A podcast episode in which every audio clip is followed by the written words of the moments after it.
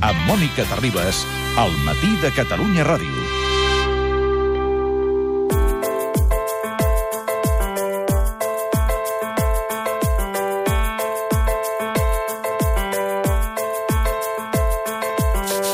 Termòmetre i anàlisi econòmica, l'informe de Xavier Sala i Martín. Uh, el Fons Monetari Internacional és el tema avui.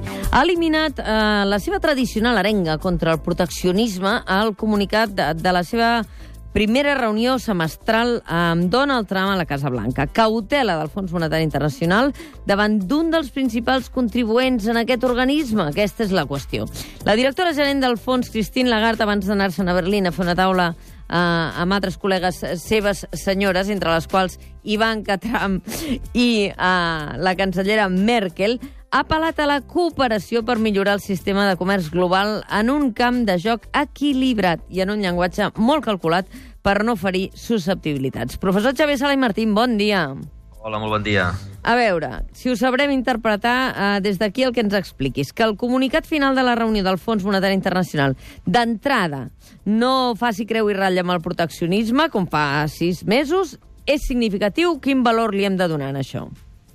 A veure, jo crec que poc, perquè, diguem, és, és eh, llenguatge de, de polítics, no? Sí. Eh, i, òbviament, el Fons Monetari Internacional i el Banc Mundial, que són les dues grans institucions que es van crear l'any 1945 o 44, mm. diguem, eh, eh, per, per, perquè gestionessin la cooperació entre països, doncs el, com que es van crear en aquella època, doncs es van crear d'una manera en la qual el qui pagava la gran majoria de les despeses eren els Estats Units, mm. que era el país que havia diguem que havia quedat ric quan Europa havia quedat destruïda, eh, que era el país més important després de la Guerra Mundial, i, i per tant, diguem, això més o menys ha quedat. Els Estats Units segueixen sent el gran contribuent en aquestes institucions internacionals, i el president Trump ha donat a entendre que eh, els Estats Units paguen massa i que, per tant, volen reduir, els Estats Units volen reduir la seva contribució en aquestes institucions i l'única cosa que no volen aquestes institucions és de sobte veure com el seu pressupost baixa mm. eh, i una manera de fer emprenyar el Trump, i tothom sap que el Trump és un tio estrany, no? que, que, que a lo millor si se sent insultat, doncs, eh, doncs ara perquè sí els hi trec els calés, no? Yeah. Eh, doncs una manera d'insultar-los seria doncs, dir que la seva política comercial és estúpida, no? Uh, i dir uh, que el lliure comerç és bo seria una manera de dir que la política comercial del Trump és estúpida. Mm. Uh, però diguem que el fet de que aquestes institucions que són polititzades doncs no s'atreveixin a dir que la política comercial dels Estats Units és estúpida no vol dir que la política dels Estats Units sigui estúpida. És a dir, en, en qualsevol curs de, de, d'economia eh, de, per a principiants, eh, de, de primer de carrera, eh, s'explica que eh, el fet de que el teu veí eh, diguem, decideixi posar roques a dins del seu port, eh, sí. perquè no vinguin els teus barcos, sí. diguem, eh, no vol dir que sigui una bona teoria que tu facis el mateix. Eh? Per castigar-lo amb ell, doncs jo també em Posaré posaré unes roques. roques i tu tampoc entraràs. Exacte, entens? Doncs això és bàsicament el que vol el Trump. Perquè això depèn eh? dels tamanys de les economies, de quins són els actius que tu tens i de què necessiten els altres de tu i tu d'ells, no? Exacte, o sigui, a veure, el, el, la política comercial del Trump, eh, que d'entrada pot apel·lar, de fet apel·laria a molta gent de l'esquerra, eh? aquí l'esquerra catalana o l'esquerra espanyola, Podemos i la CUP segur que estan d'acord. És a dir, el comerç mundial doncs, no sempre és bo, i el fet de que vinguin els estrangers i ens venguin coses més barates a nosaltres, doncs això ens perjudica, diu el Trump. Mm. I per tant, el que hem de fer és encarir els seus productes, els hi posarem aranzels. Sí, el fet sí. que els xinesos vinguin a vendre ser barat perquè ells tenen una millor tecnologia que els mm. americans, doncs això és dolent per l'economia americana perquè les empreses d'acer nord-americana no produeixen prou i, per tant, els hi posarem uns aranzels. Quan el, algun país, no, que no diuen quin, però si un país de fora, uns dolents, ens posen aranzels a nosaltres, doncs nosaltres els hi posarem, posarem aranzels amb ells. Eh? Mm -hmm. Una cosa que diuen tic for tac, és a dir, sí, si tu fas A, jo faig A. Si tu mm. fas bé, jo faig bé. Mm. Jo faré exactament el que tu em fas. Però, clar, si tu penses qui surt perjudicat d'això, eh, mm. uh, pensa que els que els perjudicats són els mateixos americans. Clar. Si tu poses roques en el teu port, no? Qui sortirà perjudicat si tu poses roques en el teu port? Home, doncs els teus vaixells, que no veus. Uh, clar, qui compra acer uh, de la Xina? Si ara encarim a l'acer, els hi posem uns aranzels en l'acer de la Xina, doncs les empreses d'electrodomèstics de, dels Estats Units, les empreses de cotxes que utilitzen acer, les empreses constructores que utilitzen acer, totes, totes, totes aquestes empreses americanes sortiran perdent perquè l'acer els hi serà molt més car. No. No. Per tant, fixa't que estàs perjudicant en els teus. Perquè tu continuaràs necessitant el seu acer, per continuarà fent, posant el rentaplats en marxa, diguéssim. Exacte, o sigui, tu, és veritat que segurament hi haurà un, diguem, algunes empreses d'acer dels Estats Units que produ podran produir, eh, que són empreses ineficients si l'acer és barat, perquè els xinesos ho fan més barat, eh, llavors ells no poden produir. Llavors sí que és veritat que tu guanyaràs que algunes empreses d'acer nord-americanes ineficients acabaran produint, però fixa't que el qui pagarà el preu seran les altres empreses americanes que compren acer, que estaran obligades a comprar un acer molt més car. Eh? Uh, uh, si, si una empresa estrangera, doncs, uh, si, si, si un país estranger ens posa aranzels a nosaltres, vol dir que les nostres empreses no poden allà vendre, per tant nosaltres posarem aranzels amb ells. I per tant mm-hmm. els nostres ciutadans doncs, hauran de comprar els ordinadors més mm-hmm. cars, hauran de comprar les màquines més cares, eh? fixa't que els qui surten perjudicats són els nostres ciutadans. Eh? Per tant, és una teoria absurda. És una teoria absurda. Tothom sap que és una estupidesa fer això. Si els estrangers et volen posar aranzels, doncs pitjor per ells, que es posin roques en els seus vaixells, mm. si volen. El que, no, el que no hem de fer mai nosaltres és contestar, perquè això perjudica els nostres. Eh? Uh, I, per tant, és una teoria estúpida ho digui o no ho digui el Fons Monetari Internacional. El Fons mm. Monetari Internacional no ho diu per qüestions diplomàtiques, ah. perquè no volen perdre els calés dels Estats Units, però això no ens ha d'aturar a nosaltres, els economistes, a dir, senyors, el senyor Trump té una política comercial estúpida i perjudicial pels Estats Units. I això tampoc eh, vol dir aquest llenguatge més polite i més polític que ha fet servir el Fons Monetari Internacional que hi hagi un pacte entre tots dos per dir, escolta, nosaltres venim a tu. No, no, el Fons Monetari Internacional de sempre eh, s'ha pigut, diguem, el Fons Monetari Internacional està ple d'economistes professionals que saben que això és una fal·làcia, que és una mm. tonteria. Eh? eh de, fet, eh, de fet, aquesta, aquesta uh, símil que he fet jo dels vaixells és un símil que va fer una economista diguem, de, de, del segle XX, que es deia mm. Joan Robinson, mm. i, que, diguem, i que tots els estudiants d'economia han escoltat. Eh? Sí. Si el teu veí posa roques en el, en el seu port, no facis tu el mateix sí. per respondre-li, eh, perquè el perjudicat principal seràs tu, això ho sap tothom.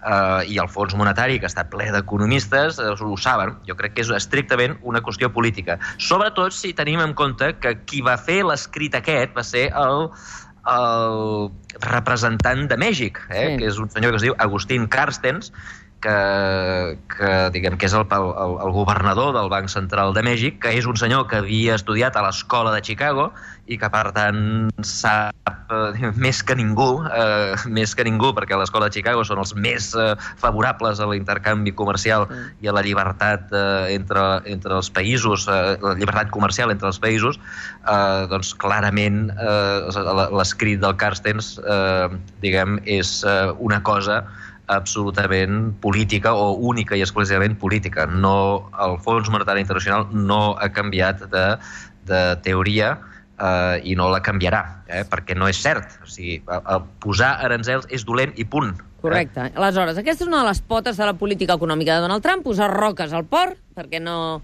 entrin els vaixells fàcilment, aquesta és una, i l'altra, eh, una promesa que ha fet i que compleix, que és tocar els impostos tocar els impostos, ara que ha fet 100 dies del seu mandat, eh, per eh, incrementar una mica l'activitat econòmica. Aquesta serà positiva? Bé, depèn de com ho faci i de la magnitud que ho faci.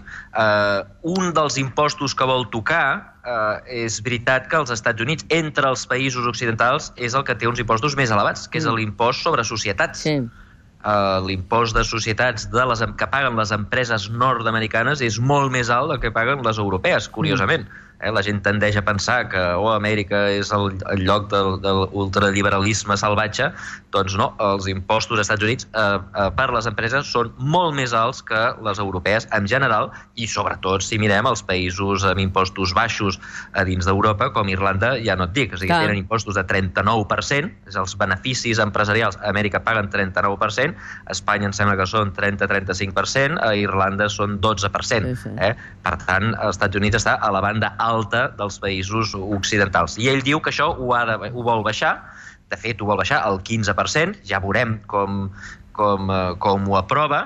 El problema que té el Trump és eh, que, diguem, ell, tot i que es va presentar pel Partit Republicà, no té una filosofia eh, de Partit Republicà. Eh? Una de les coses que els republicans han lluitat enormement eh, durant l'època Obama era, era el dèficit no volien que hi hagués dèficit. De fet, van estar a punt de tancar el govern, eh, de no autoritzar que el govern pogués gastar dues vegades perquè no estaven d'acord amb el dèficit que Ah. generava l'administració Obama. Clar, eh, el, el Trump haurà de presentar un pressupost i haurà de presentar un pressupost on hi hagi no només despeses de, de reducció dels impostos, que als republicans ja els hi agrada, sinó que haurà d'explicar també el seu augment brutal de la despesa. Ell diu que vol reconstruir o, o reparar 60.000 ponts que als Estats Units diu que estan, que estan diguem, deteriorats i reconstruir aeroports com el de Kennedy de Nova York. Uh, clar, com es combina un augment de la despesa amb una reducció d'impostos sense augmentar el dèficit? Mm. Això serà molt difícil. I aleshores la pregunta és si els republicans li donaran suport. Clar. Els demòcrates ja sabem que no li donaran suport, però i els republicans? És veritat que hi ha majoria republicana al Congrés i al Senat, però això no vol dir que li donaran suport, perquè els republicans sabeu que aquí no hi ha disciplina de pot. Als Estats Units cadascú vota el que li interessa i, per tant, pot haver-hi, i segurament hi haurà molts republicans que votaran en contra. I ja es va veure quan va intentar tombar l'Obamacare, la llei de la seguretat social que havia fet l'Obama, que no va poder. I no va poder perquè s'hi van oposar els seus propis amics republicans. Mhm. Uh, per tant, uh, quina serà la política econòmica que farà? No ho sabem. No ho sabem. És la gran incertesa, no? Quines, quines coses podrà aprovar de totes les bogeries que està proposant, Mhm. quines li aprovaran al Congrés i al Senat quines? i quines no, ja, ja ho veurem. Escolta'm, i tot això en el context d'un Fons Monetari Internacional que ha tornat a fer projeccions del creixement de l'economia a nivell mundial i de les economies emergents respecte a les economies eh, dites avançades, no? A La projecció sobre el total de l'economia el 2017 eh, creixeria un 3,5, el 2018 3,6, confirmaria allò que tu ja ens has dit algunes vegades, que la, al final de la crisi econòmica, malgrat que ahir parlàvem de les desigualtats eh, creixents, però el ritme de la macroeconomia a vegades no coincideix amb la butxaca de la gent, no? A Espanya també el creixement eh, més alt, el 2,6 al 2017, en projecció el 2,1 al 2018, i les economies emergents que són les que tiren del carro, no? Sí, el qual contradiu això de les eh, desigualtats, eh? Uh, diguem, el fet de que els països pobres creixin més que els països rics vol dir que les desigualtats mundials es fan petites, no grans. Eh? És a dir, quan els pobres creixen més que els rics, fixa't que els, els pobres s'apropen cap als rics. Uh, I, per tant, és veritat que hi ha desigualtats a dins dels països rics, a dins dels Estats Units les desigualtats pugen una mica, a dins d'Espanya pugen una mica, No, a no, dins és que d'altres parlava de les europeus- persones, de les persones, no de la Sí, sí, diferencial no. entre països. No, no, no, però als països hi ha persones. Sí, a dir, si els xinesos creixen el 6% i els americans creixen el 3%, Sí. això vol dir que eh, de mitjana els xinesos, que són 1.300 milions de persones, diguem, retallen diferència respecte als americans que estan per davant. Per tant, Sí. les desigualtats entre persones de diferents països es retallen. Però pot ser Eh, que les condicions, entraríem en una conversa complicada, eh? però eh, que les condicions en, la, en les que produeixen les economies en aquests països eh, siguin, mm, penalitzin les classes més, més treballadores, no? No, no, no. O sigui, tu, mira, tu mires la distribució de la gent a la Xina, la distribució de, dels Mm. ingressos a la Xina, els pobres a dins de la Xina, Sí. la gent més pobra, la gent agrícola, es, són, són diguem, eh, diguem, tenen un augment de la seva renda brutal. En les últimes dècades, sobretot perquè han anat a parar a les ciutats i des de viure en zones rurals on cobraven gairebé zero, han passat a les ciutats i els seus, els seus ingressos han pujat moltíssim. Mm. O sigui, la, la Xina bàsicament ha erradicat la pobresa. Era, era un dels països més pobres del món, el tercer país més pobre del món a l'any 78, mm. i avui dia la pobresa, segons el Banc Mundial, diguem, gent que cobri menys d'un dòlar al dia o un dòlar i mig al dia, bàsicament ha desaparegut de la Xina. I, per tant, els grans beneficiats d'això han estat els pobres del món. Els qui no s'han estat grans beneficiats són els pobres dels Estats Units Sí. o els pobres d'Espanya.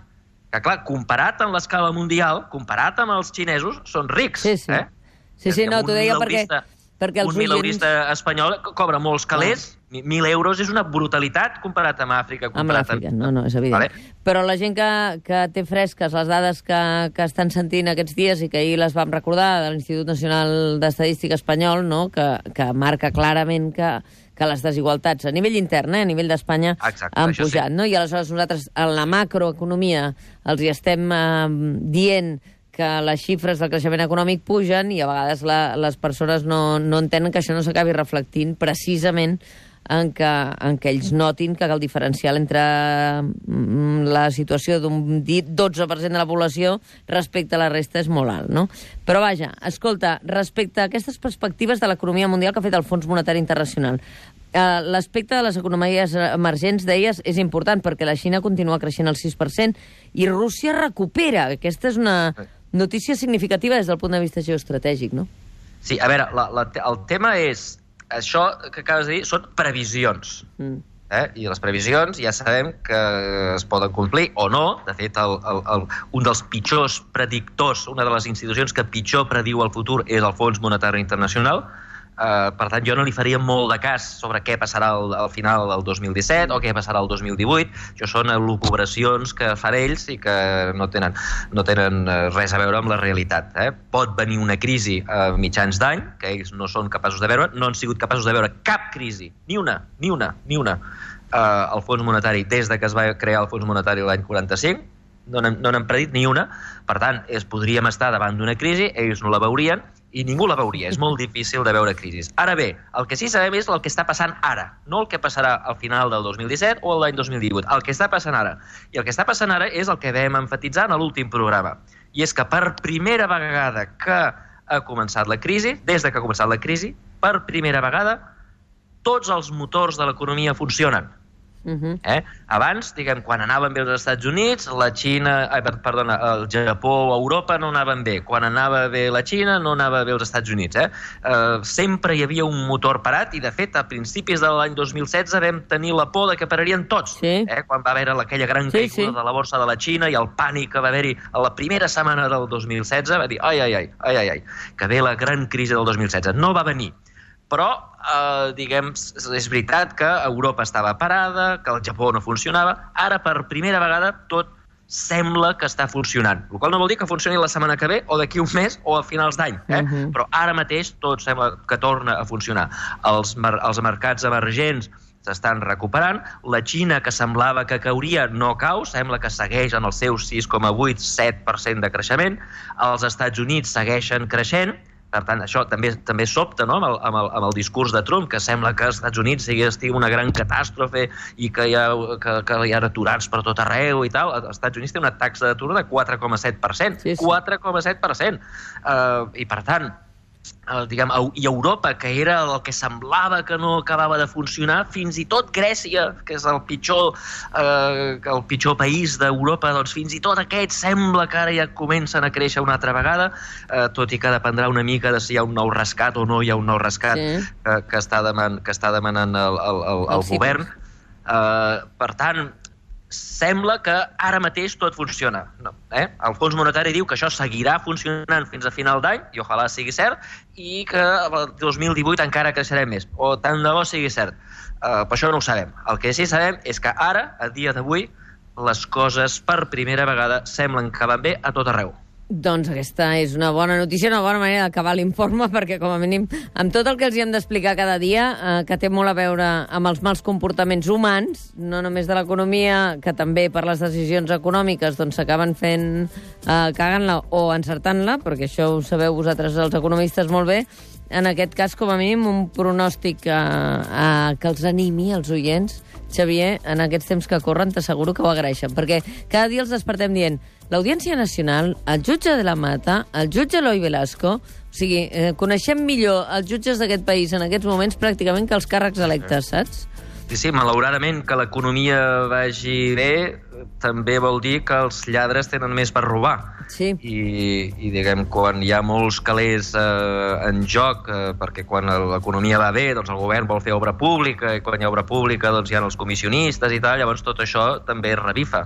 Eh, I, per tant, faríem bé de, de ara que l'economia torna a funcionar, no caure una altra vegada els mateixos errors d'abans, perquè tindrem la, els governs tindran la tentació de tornar a gastar més i quan tornin a gastar més tornaran a sortir els lladres i, i això és el que hauríem d'evitar eh, el preu que fos. Mira, em fa gràcia que diguis això perquè avui recordàvem eh, aquest matí que ahir el president de la PIMEC, en Josep González, va dir que una de les maneres de posar, de, de posar aquests tallafocs necessaris que ara tu reclamaves és justament endurir ara el marc jurídic perquè això no torni a passar, no? Uh -huh. Però veurem, veurem si ens en sortim. Moltes gràcies, Xavier Salem Martín. Molt bé. Vinga, que vagi molt bé. Gràcies Adéu. a vosaltres.